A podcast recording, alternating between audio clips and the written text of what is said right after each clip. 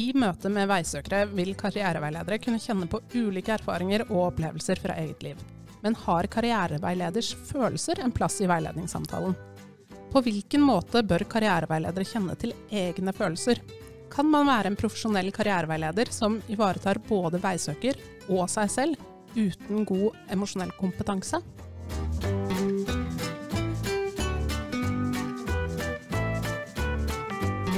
Hei og velkommen til Veilederforumpodden, en podkast fra Direktoratet for høyere utdanning og kompetanse. Mitt navn er Mari Torbjørnsrud, og jeg er en av fagredaktørene for veilederforum.no, et nettsted for deg som veileder om utdanning, jobb og karriere. I dag skal vi snakke med førsteamanuensis og programansvarlig for master i karriereveiledning ved Universitetet i Sørøst-Norge, Kirsten Marie Dalene. Kirsten Marie har skrevet doktorgraden 'Meningsskapende karriereveiledning', karriereveileders forståelser og erfaringer med life design-veiledning i norsk kontekst. Nå jobber hun med emosjonell kompetanse, og det skal vi snakke om i dag. Emosjonell kompetanse kan forstås både som kompetanse alle mennesker innehar, den typen ferdigheter som påvirker personene selv og deres selvfølelse, utholdenhet, motstandsdyktighet og samvittighetsfullhet. Men også som sentral kompetanse hos fagpersoner, og da snakker vi om evnen til å gjenkjenne, forstå og håndtere både egne og andres følelser. Og det er den forståelsen vi skal undersøke nærmere i dag. Hei og velkommen, Kirsten Marie. Hei, Marie. Din forskning har fokusert på life design og eh, Mark Savikas tenkning. Det er også gjennom det arbeidet du har fattet interesse for emosjonell kompetanse. Men er det et tydelig skille mellom life design-tenkningen og emosjonell kompetanse? Det er et godt spørsmål. Um, og jeg tenker at nei, det er ikke tilfeldig at det etter å ha forska på life design-veiledning, går videre til å grave litt i emosjonell kompetanse hos karriereveiledere. Følelser står veldig sentralt i life design-veiledning. Og Savika sier jo at følelser skaper effektiv karriereveiledning, og kan vise karriereveilederen liksom hvor, hvor man skal gå, hvilken retning man skal ta videre i karriereveiledningsprosessen hva som er det neste skrittet. Og samtidig så erfarte jeg gjennom aksjonsforskningsprosjektet som jeg hadde med karriereveiledere om life design-veiledning, at noen kunne kjenne seg litt usikre på hvordan, hvordan håndterer jeg disse personlige elementene da, som, som man spør etter der. At de kjente at de kanskje ikke helt var kompetente nok til å ta imot det som kanskje kunne komme.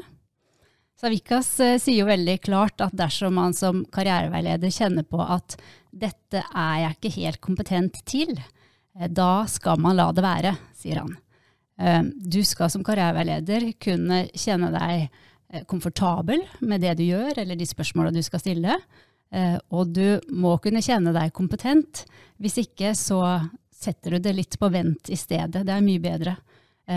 Kanskje lar du det bare ligge og ikke går noe videre på det, eller kanskje blir du nysgjerrig og kjenner at dette her har jeg lyst til å lære mer om eller utvikle videre. Da. Men man må, man må liksom lytte til egen magefølelse litt på disse tingene her. Og for å trekke det liksom enda litt lenger ut, og ikke bare snakke om Savikas og Life Design-veiledning og den tankegangen, så, så ser vi jo at det her med følelser i karriereveiledning og det å tenke på karriereveiledning som noe i stor grad omfatter hele livet, at det er noe som går igjen da, i, i, flere sånne narrative, konstruktivistiske karriereveiledningsteorier og metoder, hvor liksom Savikas er jo en av de. Eh, men det er flere enn han, f.eks. Vance Peavy eller eh, disse australske forskerne Patten og McMahon. De er opptatt av disse tingene her. Og jeg tenker at det her ble også berørt av eh, Emma Bolger når hun snakker om, eh, om eh, inkluderende praksis i en tidligere episode her i, i poden. Så det, dette, er jo, dette, er jo, noe som flere tydeligvis er opptatt av. Mm. Nå snakker vi jo vi om emosjonell kompetanse som et definert begrep. Og i den for, forbindelse, den forståelsen, så har det ikke vært så mye tema i norsk karriereveiledningskontekst. Men Sånn som jeg forstår det, så er det relatert til både empati og relasjonsbygging. Hvordan tenker du at eh, emosjonell kompetanse skiller seg fra f.eks. relasjonskompetanse? Ja, Det der eh, lurte jeg også litt på i starten, når jeg først begynte å bli kjent med dette her som et begrep innenfor karriereveiledning. Altså hvordan, hvordan henger dette sammen med den type begreper som vi i Norge mer har vært vant til å bruke? Ja, relasjonskompetanse, veiledningsferdigheter, altså hva er hva? Er det mest språk og sånne ulikheter, eller er det forskjellig innhold her, da? Og eh, for å si liksom litt mer om det, så har jeg lyst til å eh, ta en tur ut i Europa. og si, trekke inn det begrepet som, som mer brukes i andre land, da, hvor man ofte snakker om sosioemosjonelle kompetanser. Eller man kaller det kanskje også sosiale og emosjonelle kompetanser.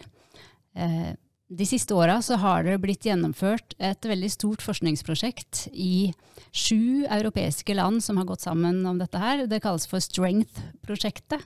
Uh, strength, det, det, står da for 'Strengthening the Socio-Emotional Competences of Career Practitioners'. Og formålet med hele prosjektet her, det er jo nettopp å se hvilke behov karriereveiledere har når det kommer til sosioemosjonelle kompetanser, og hvordan man kan jobbe for å bidra til å styrke uh, disse kompetansene hos karriereveiledere. Eh, her var det hele 900 fagpersoner som deltok, hvorav ca. 700 var karriereveiledere, og resten var mer i ledelse eller på systemnivå.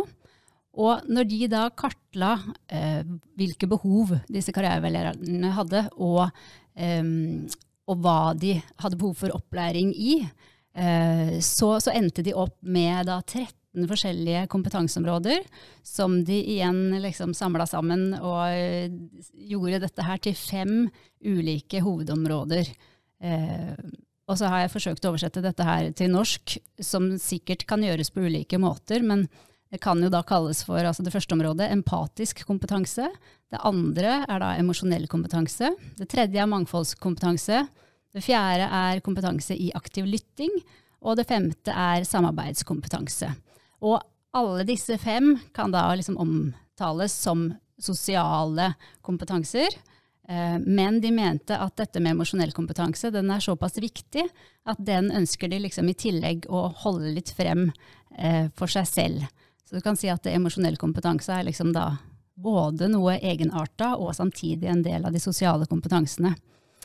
Eh, og når vi da skal se dette her opp mot ja, Norge og relasjonskompetanse, eh, den type begreper som vi mye bruker her, eh, så tenker jeg at det, det, er mange sammenhenger på tvers her. Jeg, jeg, tenker at når vi snakker om relasjonskompetanse, og kanskje også veiledningsferdigheter, så er det mye der som sammenfaller spesielt med tre av disse hovedområdene i strength-modellen. Um, særlig da empatisk kompetanse, um, kompetanse i aktiv lytting og samarbeidskompetanse. Mens da det området som de i Strength-modellen kaller for emosjonell kompetanse, uh, sånn som jeg forstår den, så er den mye mer knytta direkte til følelser. Altså knytta til å kunne identifisere følelser, forstå følelser og håndtere følelser. Både hos seg selv, altså hos karriereveilederen selv, og være i stand til å gjøre det samme overfor andre mennesker og deres følelser. Og så spesifikt og på en måte så, så sterkt snakker vi ikke om følelser eller emosjoner da, og emosjonell kompetanse innafor relasjonskompetansebegrepet, sånn som jeg har erfaring med det, i hvert fall, i norsk kontekst og knytta til karriereveiledning. Um, så min opplevelse er at her, her, ligger det, når vi da snakker om det spesifikke emosjonelle kompetanse, så ligger det på en måte det ligger noe litt uoppdaga der. Det er, noe, det er en egenart ved det. Ja, det er elementer av det i mange av de tingene vi allerede har, men det er eh, vel verdt å liksom utforske litt nøyere hva, hva er det ekstra her som vi faktisk ikke har hatt så mye fokus på i, i norsk kontekst knytta til eh, karriereveiledernes eh, kompetanse. Og eh, for å bare si liksom kort hvor, altså hva det er de legger i emosjonell kompetanse. Da. Hva, hva, er det for noe? Liksom, hvordan, hvordan, forstås det? Um, så handler dette hovedsakelig om tre ting. Det første er å forstå følelser, både egne og andres. Det andre er å ha bevissthet om egne følelser, og kunne oppfatte og uttrykke egne følelser på hensiktsmessige måter. Og det tredje er å ha følelsesmessig selvkontroll ved å kunne bevisst regulere og påvirke egne følelser, både til å motivere seg selv, til å oppnå mål, og også til å kunne håndtere stress. Det er jo veldig spennende, og eh, nå har jo du vært litt inne på norsk kontekst allerede. Og mange i norsk kontekst er jo opptatt av nasjonalt kvalitetsrammeverk. Og eh, da lurer jeg på, i kompetanseområde 1 veiledningsprosesser og relasjoner og område 2 eh, etikk i kompetansestandardene, så omfattes jo i noen grad emosjonell kompetanse, men det uttrykkes kanskje ikke så tydelig i ordene som brukes. Det er ikke de samme ordene som, som du bruker, og som brukes i strength. Har du noen tanker om tilknytningen mellom kompetansestandardene og emosjonell kompetanse? Ja, jeg, har, eh, jeg, ble også nysgjerrig på det, da. Og selvfølgelig. Vi er eh, alle opptatt av kvalitetsrammeverket og bruker fort det som en referanse for når man liksom skal vurdere hvor, hvordan står det til med akkurat dette i norsk kontekst. Altså hvilken plass får det eller ikke. Um, så jeg, jeg, har sett mest da på kvalitetsrammeverkets første kompetanseområde, altså det som kalles for veiledningsprosesser og relasjoner eh, som jeg tenkte liksom var det umiddelbare eh, altså skal, skal, emosjonell kompetanse synes noe sted i vårt nasjonale kvalitetsrammeverk, så bør det i hvert fall være der. Og så er jeg helt enig i at det, det, bør også i en viss grad være til stede under etikk. Eh, fordi det er mye berøringspunkter der også. Men, eh, men det er altså dette første området som jeg har kikka mest på. da. Eh, og ut ifra, altså i, i, kompetanseområdet i kvalitetsrammeverket, så, så, har man jo satt opp læringsutbyttebeskrivelser. ikke sant? Hva er det karriereveilederen skal kunne dersom man har på plass denne typen kompetanse? Eh, og når jeg ser nøyere på disse læringsutbyttebeskrivelsene, så f.eks. ordet følelser, det er ikke til stede der i det hele tatt. Eh, heller ikke emosjoner eller noe som kan liksom gå direkte på disse tingene, da. Um, så jeg tenker jo at det her, eh, altså som, litt som jeg sa i stad, at, at, det her blir det også tydelig at ja, dette har vi kanskje, om det er at vi ikke helt har tenkt på det, eller um, det har ikke vært så mye fokus på det. Så, så her eh, Da tenker jeg som så at eh, la oss ikke liksom slå oss til ro med at ja ja, nei det fikk vi ikke med oss, eh, det var dumt. Eh, jeg vil gjerne vri det andre veien og tenke hvordan kan vi supplere det bestående med noe som kan berike det som allerede er der. Hvis vi finner ut at dette med emosjonell kompetanse virkelig er noe som kan være med på å berike og være en viktig del av karriereveilederes eh, kompetanse. Da. Det er jo mange som har følelsesmessige reaksjoner på livssituasjoner eller veisøkeres eh, skjebne som de, de møter i samtalen. Men uh, på hvilken måte tenker du karriereveileders følelser skal få plass eller komme til uttrykk i en karriereveiledningssamtale? Ja, altså dette dette syns jeg egentlig er litt vanskelig spørsmål, Mari. fordi det, jeg har i hvert fall ikke noe klart uh, fasitsvar på det. Jeg tenker at selv om man som karriereveileder kanskje er opptatt av å jobbe etter kompetansestandarder, etter etiske retningslinjer, og sånn sett eh, gjør en del ting på samme måten, da, så eh, er det noen ting som er så personlig eh, og er så individavhengig at her tror jeg kanskje at dette også vil være litt ulikt fra veileder til veileder, hva som på en måte kjennes både riktig eller på sin plass. Eh, og her, jeg, jeg tenkte mm, her på um, Greta Marie Skau sin kompetansetrekant. Den syns jeg beskriver dette veldig fint. Da. Eh, den består jo av Altså det er en trekant med tre sider. Og eh, den ene siden handler om teoretisk kunnskap. Den andre sida handler om yrkesspesifikke ferdigheter. Og så er det den tredje sida, som hun kaller for personlig kompetanse. Og dette til sammen, mener hun, det utgjør profesjonell kompetanse for en fagperson.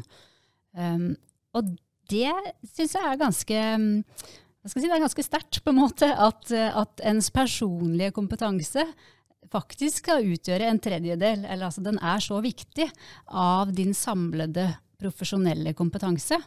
Um, og, og det å hva skal jeg si, gå litt inn og bli litt mer kjent med den. Da. Eh, det vil jo da også være et viktig element her, tenker jeg. Jeg tror det er mye der i din personlige kompetanse som eh, bidrar til å fortelle deg litt hva kjenner du er greit eller ikke greit. F.eks. sånn i forhold til det du spør om, med hvor, hvor, mye av mine egne følelsesreaksjoner eller utbrudd eh, skal jeg komme med i samtalen. da. Og så tenker jeg at det kanskje er det litt sånn to ytterpunkter i, i et sånt slags svar på det spørsmålet. Um, de, de, mer ukontrollerte følelsesutbruddene, eh, fordi man kanskje blir provosert av det som veisøkeren sier. Um, det kan være ene, det ene ytterpunktet, mens det andre ytterpunktet er mer når man kanskje mer er bevisst i stand til å bruke sine følelsesmessige responser for å bygge opp, eller kanskje for å støtte, for å vise empati eh, rundt det som veisøkerne har fortalt. Um, så jeg, jeg, tenker at her også så handler det mye om å finne ut av hva er det, hva er det jeg kjenner meg komfortabel med å gjøre. Um, når er det jeg opplever å få en sånn der uggen, guffen følelse etterpå at ah, nei, det der, det ble gærent, liksom. Dette, skulle ikke, skulle ikke reagert på den måten. Og hvor man da kanskje får et ønske om at jeg har lyst til at neste gang så skal jeg ikke gjøre det på akkurat denne måten. Um, at man kjenner litt hva man er komfortabel med. Um, og samtidig selvfølgelig har et sånn klart blikk på hva gagner den andre. Altså hva av mine følelsesuttrykk eller følelsesreaksjoner vil være til nytte for den andre. Uh, fordi der og da, i situasjonen i en karriereveiledningssamtale, så kommer vi jo ikke unna at det er veisøkeren og veisøkerens beste som, som er hovedomdreiningspunktet. Da. Mm. Ja, jeg, jeg, tenker jo at veileders nøytralitet er jo en kjerneverdi som, som, jo skal ivaretas, åpenbart. Men samtidig så kan man på en måte ikke Det kan være farlig å dra det så langt at uh, veileder sitter bare som en sånn blank steinvegg og ja. på en måte ikke, ikke lar noe eh, skinne gjennom eller speile eh, det som man blir fortalt. For man kan jo bli fortalt ting som er emosjonelt for eh, veisøker å dele. Og hvis de da ikke får noe respons tilbake, så vil jo det kunne virke negativt på relasjonen som, som bygges og ja. ja. jeg er helt enig. Det, så det, det, må jo være en sånn naturlig dynamikk der. Uh, og jeg tenker at for, for veilederen så, eh, så Jeg tror at bevisstgjøring også er et stikkord her. da. Altså det som veileder å kjenne litt til, altså hva, hva er mine triggerpunkter her? For Én ting er jo hvis, hvis veisøkeren sier ting som, som, er på en måte eh, veldig sånn Sitter dypt og, og betyr mye eller er veldig uh, følelsesmessig for veisøkeren selv. Det kan jo noen ganger treffe rett inn i veilederens egen bagasje, egen historie. Um, det kan være ting som man er bevisst eller uh, ubevisst, ikke sant. Og, og, der tror jeg det er en stor forskjell på hvilke runder du har hatt med deg selv da, som karriereveileder i forhold til å være klar over disse herre no, For noen, noe kan man kanskje ikke vite, men noen ting vil du kunne vite om hva som treffer deg sårt eller vondt eller smertefullt. Um, og du vil da, hvis du blir bevisst det, så vil du ha mulighet til å kunne um, oppøve eller liksom forberede deg på hvordan skal jeg reagere, og hvordan skal jeg håndtere det når det skjer. Um, fordi altså, våre egne triggerpunkter, de vet vi at de Jeg blir jo ikke kvitt de. Uh, så det vil jo antagelig komme igjen at, at, det er noe som treffer rett inn i ja, og det Én ting er jo hva man har i sin bagasje som karriereveileder, men jeg tenker at det er jo også noe med hvordan har du det akkurat her og nå, da? Som karriereveileder. Eh, hvordan har den siste uka di vært? Eh, hvor sliten er du? Um, hvilke ting i din situasjon er faktisk ganske så krevende akkurat nå? Eh, kommer du på jobb og um, du har sovet dårlig fordi barna har vekt deg, eller altså, og hvis det da kommer noen kommentarer og ting og veisøker som forteller om ting som da gjør at du kjenner at uh, her er det jo ingen som tenker på meg. Altså, det skal bare handle om disse veisøkerne og deres uh, problemer. Det er altså, savnet etter å bli litt ivaretatt selv. Da. um, tror jeg kan uh, bli tydelig der. Og der tenker jeg at emosjonell kompetanse det er liksom en sånn det er en greie som man kan ta litt tak i på egen hånd som karriereveileder. Absolutt. Nå har du jo vært litt inne på det allerede, men eh, hvilken forskjell kan denne kompetansen gjøre i karriereveiledningen for veileder? Eh, og har du noen eksempler på hva den kompetansen kan bidra til? Ja, det er jo det er litt som eh, vi har vært inne på allerede. at jeg, jeg tror jo at hvis man som karriereveileder styrker sin emosjonelle kompetanse, så tror jeg at man blir bedre til å sette noen gode grenser for seg sjøl. Altså fordi eh, følelser er veldig tett knytta til behov. Eh, og blir du kjent med dine følelser i større grad, og liksom forstår de litt mer, så blir du også mye mer klar over hva er det egentlig jeg trenger. Hva er mine om det er primære behov eller andre typer behov. Og eh, kjenner jeg til mine behov, så er jeg Altså det er lettere for meg da å kommunisere det til deg og andre og menneskene rundt meg, kanskje kollegaer. Eh, hva det er jeg trenger nå for å, for å fungere bra, og for, og for, å på en måte også ta vare på meg selv, og, og for å kanskje da bli mindre stressa, mindre sliten eh, av arbeidsoppgavene. Og jeg, jeg, tenker nok sånn som det her nettopp eh, fordi altså det der å ta de rundene med seg selv, eh, og bli mer klar over hva det er jeg faktisk føler, da, hva jeg kjenner. Så én ting er at man avdekker behov, en annen ting er at jeg vil også da få mer klarhet i hva er egentlig mine verdier, og hva er det egentlig jeg vil, altså hva er måla mine. Um, så jeg tror, jeg tror det ligger mye der i uh, at det kan skape en større tydelighet. Da. Jeg blir mer tydelig for meg selv, og da er det mye lettere for meg å være tydelig overfor andre. Og jeg tenker det er jo skikkelig vinn-vinn, egentlig, fordi da, da, får man det både bedre sjøl, og det er lettere for andre å forholde seg til deg hvis du er litt bevisst og jobber litt med din egen eh, emosjonelle kompetanse. Og jeg tenker at det, dette henger jo også litt sammen, eller det berører tett det som uh, psykologen Marie Håvik snakka om i en uh, tidligere episode her. Hun snakka jo om ivaretagelse av karriereveilederen. og hun starta vel med å snakke om det særlig ut fra et systemperspektiv. altså At dette, her var det viktig at ledelse er på banen, kanskje kollegaer. altså at det, skal, det skal være et system som gjør at en karriereveileder kan oppleve seg ivaretatt. Um, og så kom hun innpå mot slutten at uh, det er klart det er noe her som den enkelte også kan gjøre eller bidra med. Og jeg tenker jo at det her kommer emosjonell kompetanse inn som et sånn godt supplement til nettopp det hun snakker om. Um, og jeg er helt enig i at det absolutt det er mye som må gjøres på systemnivå eller ledelsesnivå og legges til rette fra den sida.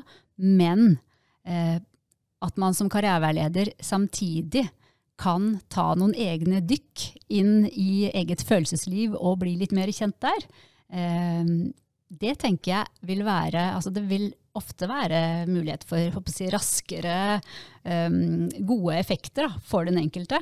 Um, og jeg tenker også at ja, vi snakker om dette her nå i en faglig setting, knytta til din jobb uh, som karriereveileder. Men jeg tenker jo at dette er en type kompetanse som også vil gagne deg i ditt liv for øvrig, altså i ditt private liv. Um, og, og, det kan jo også da Da blir det på en måte en dobbel gevinst eh, hvis man uh, velger å gå litt inn i det sjøl, da. Mm, absolutt. Nå har det jo vært en del prat uh, de senere årene om profesjonalisering av karriereveiledningsfeltet.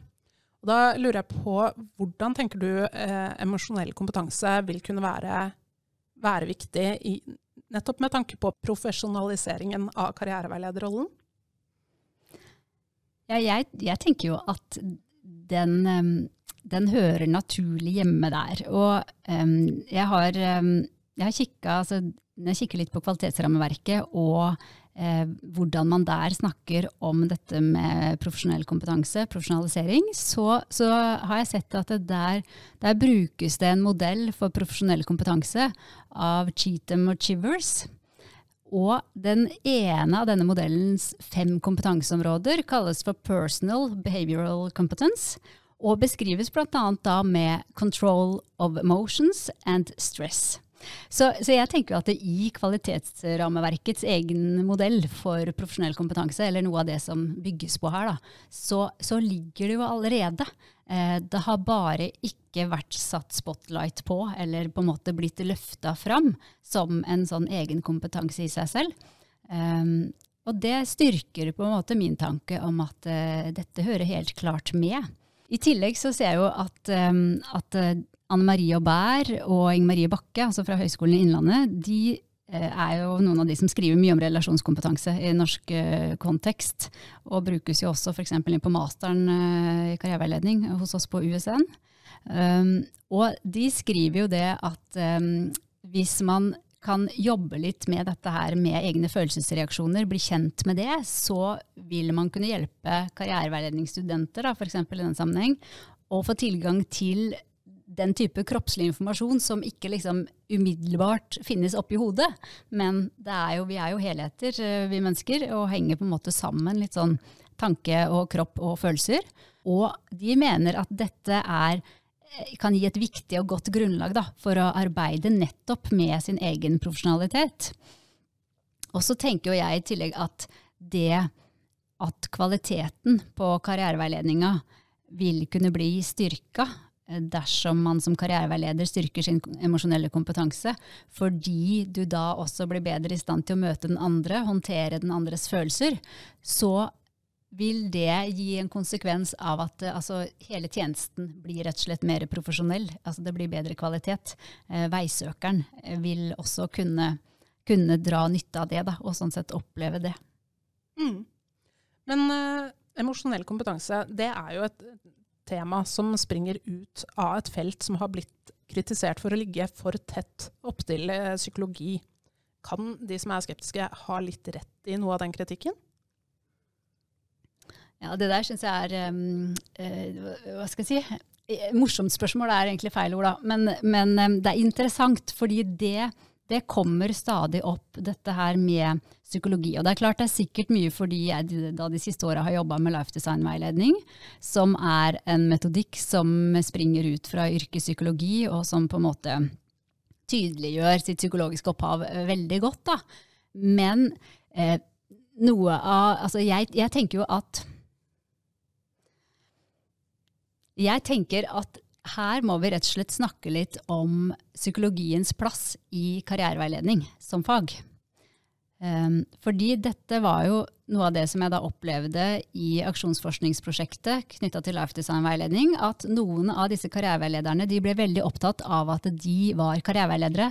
Eh, vi er ikke psykologer, vi er ikke terapeuter. Eh, de ble opptatt av å sette veldig sånne klare grenser rundt det, og det i utgangspunktet er jeg helt enig i. Altså, en karriereveileder skal ikke være en psykolog eller en terapeut. Men det som jeg da etter hvert i prosjektet, og seinere undervisning også, eh, liksom har begynt å undre meg over, um, det var nettopp denne her frykten for psykologisering av karriereveiledningen.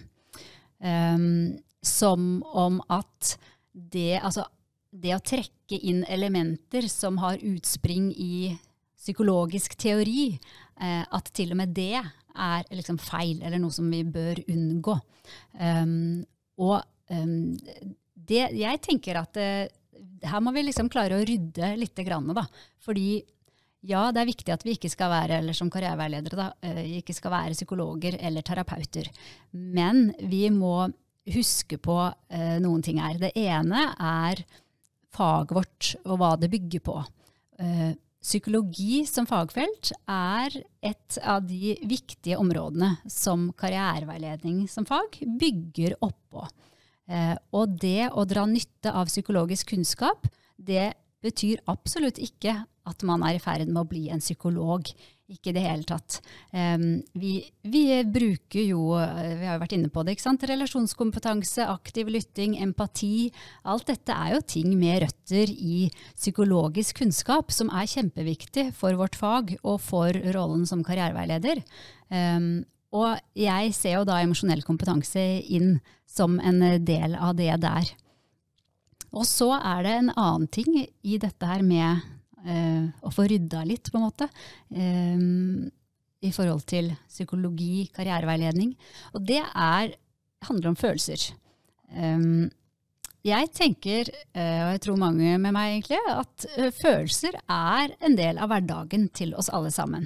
Altså I løpet av en dag vi, vi, vi opplever, vi kjenner jo på et eller annet, godt eller vondt, og det veksler hit og dit i løpet av en dag.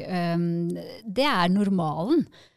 Camilla Fikse, hun, altså hun jobber på NTNU, hun skriver om begrepet hverdagsfølelser. Og det syns jeg er et godt ord, egentlig. Det er det er noe med det at vi trenger å ufarliggjøre og litt sånn normalisere eh, et forhold til følelser eh, som, som, noe vi alle faktisk har. Og når vi samtidig da vet at eh, forskning viser at det er veldig tett kobling mellom interesser, motivasjon og følelser, så tenker jeg at det blir veldig klart at følelser vil være en veldig viktig verdi inn i en karriereveiledningssamtale. Nettopp, og som jeg var inne på tidligere, som Savikas også sier noe om, at dette her vil kunne hjelpe deg som karriereveileder til å liksom vise, vise, retning, da, vise hva som, hva som engasjerer veisøkeren. Um, når det da er knytta til interesser og motivasjon, og liksom, så kommer jo da også fort engasjementet. Og så tenker jeg også det at um, vi jobber jo med et fagfelt som ikke handler om liksom saker og ting, altså vi har jo det også, men, men, det handler først og fremst om mennesker. Og menneskers eh, personlige valg, muligheter, utfordringer knytta til uh, sin karriere og sitt arbeidsliv. Og når man da jobber som karriereveileder, så, så jobber man jo med personlige temaer for mennesker. Um, og det um, i dette skillet, da, i forhold til hva, hva, er psykologi og hva er uh, karriereveiledning, så tenker jeg at i det man jobber med mennesker, så er helt naturlig psykologisk kunnskap en viktig del av ens eget fagområde. Eh, men din profesjon, og nå kaller vi det jo ikke nødvendigvis helt profesjon ennå i Norge ennå, men altså din, din yrkestittel, da, det er å være karriereveileder. Men i stilling som det, så drar du godt nytte av mye psykologisk kunnskap. Det trenger du nettopp fordi du driver og jobber med mennesker. Eh, og så holde fast i at det der å være psykolog, det er noe helt annet. Um, det er jo en helt annen utdanning. Der driver man med klinisk eh, arbeid og behandling. Um, det du holder på med, har liksom kjernen i karriereveiledning som inneholder mye viktig psykologisk kunnskap. Mm.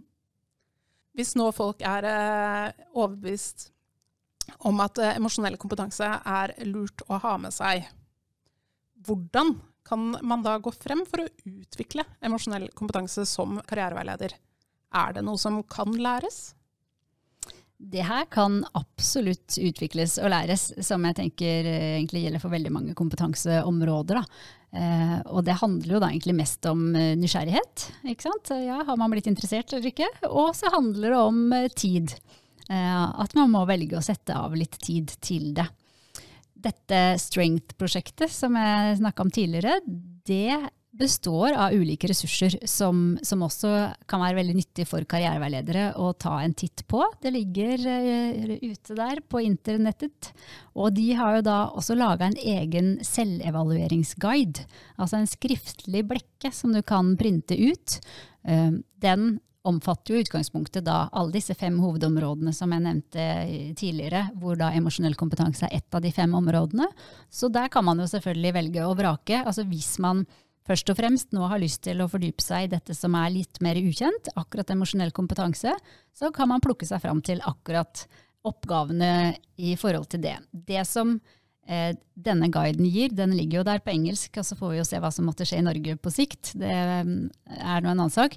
Men um, disse oppgavene de kan hjelpe til at du får kartlagt litt dine egne altså hvordan du tenker at du ville ha reagert. Da. Det, de presenterer ulike case eller ulike utsagn, og så eh, driver du der og scorer deg selv litt i forhold til hva, hva tenker du at din respons her ville vært, eh, for å få en sånn kartlegging av hvordan ligger landet for deg knytta til en sånn type kompetanse per i dag. Og så kan du da liksom gjennom de ulike videre oppgavene der eh, legge litt planer. ikke sant? Altså hva er det du vil gjøre med dette her? Um, hvordan vil du gå fram? Hva vil du lære mer om? Og de har jo ulike tips til litteratur eller andre ressurser. Um, ja. Og så, så, tenker jo jeg at uh, jeg kan jo kjenne meg privilegert uh, fordi jeg jobber på USN med utdanning av karriereveiledere, både på masterstudiet og på andre studier som vi har der. Ehm, jeg har jo der begynt å trekke dette her inn i undervisning. Eh, både da, altså særlig ut ifra Strength-prosjektet og de case-oppgavene som de legger fram der. Fordi de gir et sånn greit og godt grunnlag liksom, for å diskutere litt sånn komplekse caser som, som kanskje vekker følelser i folk. Og jeg har brukt dette her da med, med, studentgrupper, hvor de fikk noen spørsmål og drev eh, og diskuterte dette mm, i grupper. Tilbakemeldingen derfra så langt er at dette her blir karriereveiledningsstudenter veldig nysgjerrige på de, de, opplever at dette er noe litt annet enn det man har vært borti før. Og dette, når jeg snakker om studenter nå, da snakker vi jo om voksne folk som deg og meg. fordi alle studentene våre de er deltidsstudenter, de er i jobb, de har masse yrkeserfaring, de aller fleste. Så, så det er liksom ikke nybegynnere nødvendigvis, det vi snakker om her. Um, men, men, de får lyst til å lære mer, er liksom budskapet. Fordi det har vært litt sånn begrensa med hvor mye vi har gjort det til nå. Um, så jeg kan jo tenke at det at vi i, som er i opplæringsinstitusjoner, da, at vi tar en titt på det undervisningsopplegget som også ligger i strength-modellen, og eh, tilpasser, eh, kontekstualiserer ettersom hva som måtte trengs for å, for å få det til å liksom fungere i, i, norske forhold eller med norske karriereveiledere, det kan også være et viktig grep her. For egen del så kommer jeg i hvert fall helt klart til å utforske dette her litt mer, men da selvfølgelig i tett dialog med karriereveiledningsstudenter eh, på hva, hva, er det som gir de noe her, hva er det som funker eller ikke funker. Men jeg tenker jo når det først foreligger så grundig utarbeida ressurser eh, som det gjør i, i dette Strength-prosjektet, så blir det liksom for dumt å, å, skulle overse eller å skulle måtte gå helt sin egen vei for å finne ut av det. Så der tenker jeg der er det mye, mye nyttig. Mm, veldig spennende å høre om. Tusen takk for en spennende og lærerik samtale, Kirsten Marie. Ja, tusen takk for at jeg ble invitert hit. Veldig fint å prate med deg. Det var veldig fint å ha deg med. Det har vært veldig interessant å få mer innsikt i hva som ligger i begrepet emosjonell kompetanse, og hvordan det kan brukes i norsk kontekst, men også hvordan det ser ut som det passer inn i en del av den faglige utviklingen som har vært på karriereveiledningsfeltet i Norge de siste årene. Jeg håper også at det vi har snakket om i dag, har gjort dere som hører på, nysgjerrige, og gitt dere lyst til å undersøke litt mer, og kanskje utvikle deres egne emosjonelle kompetanse.